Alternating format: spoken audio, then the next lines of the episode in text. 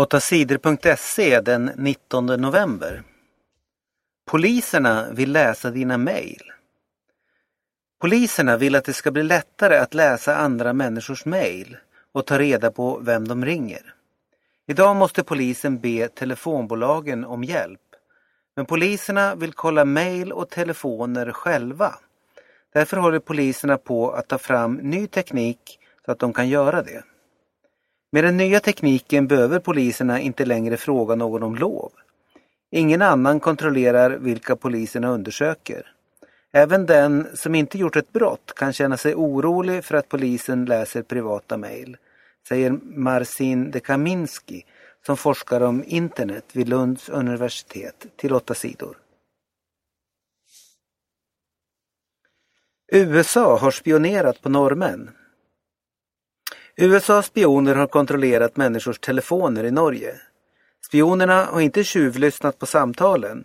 De har bara kontrollerat vem som har ringt till vem. Spionerna kontrollerade fler än 33 miljoner telefonsamtal i Norge under en månad. Det skriver den norska tidningen Dagbladet. Tidningen har fått hemliga papper av den förre spionen Edward Snowden. I de pappren står det om USAs spionerande i Norge. Det här är chockerande. Statsministern måste protestera, säger Trine Skei Grande som är ledare i det norska partiet Venstre. Sverige måste vinna ikväll. Får Sverige spela i fotbolls-VM i Brasilien nästa år? Ikväll tisdag får vi svaret. Det kan bli ruskigt spännande på Friends Arena i Stockholm ikväll. Sverige måste vinna matchen mot Portugal. Och det räcker inte om Sverige vinner med 1-0. Sverige förlorade den första matchen mot Portugal i fredags. Då vann Portugal med 1-0. Vinner Sverige med 1-0 står det 1-1 totalt i de två matcherna. Då måste VM-platsen avgöras med straffsparkar. Om Portugal gör ett mål i kvällens match måste Sverige vinna med 3-1 för att komma till VM. Så blir det eftersom ett mål på bortaplan räknas extra.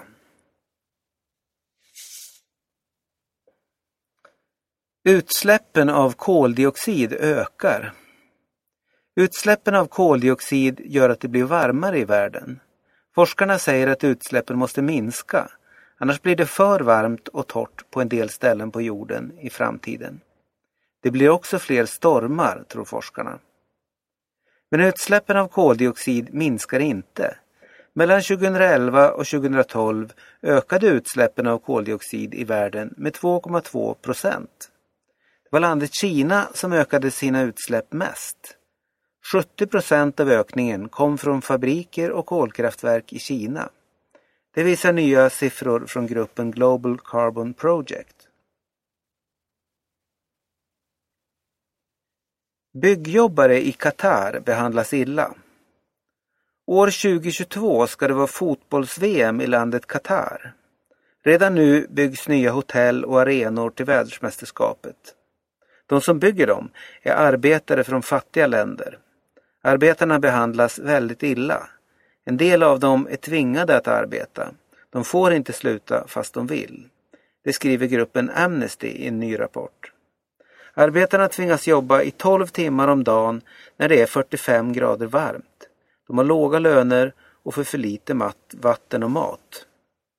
Förra månaden skrev den brittiska tidningen The Guardian att omkring 40 arbetare dött i olyckor under bygget av OS-arenorna.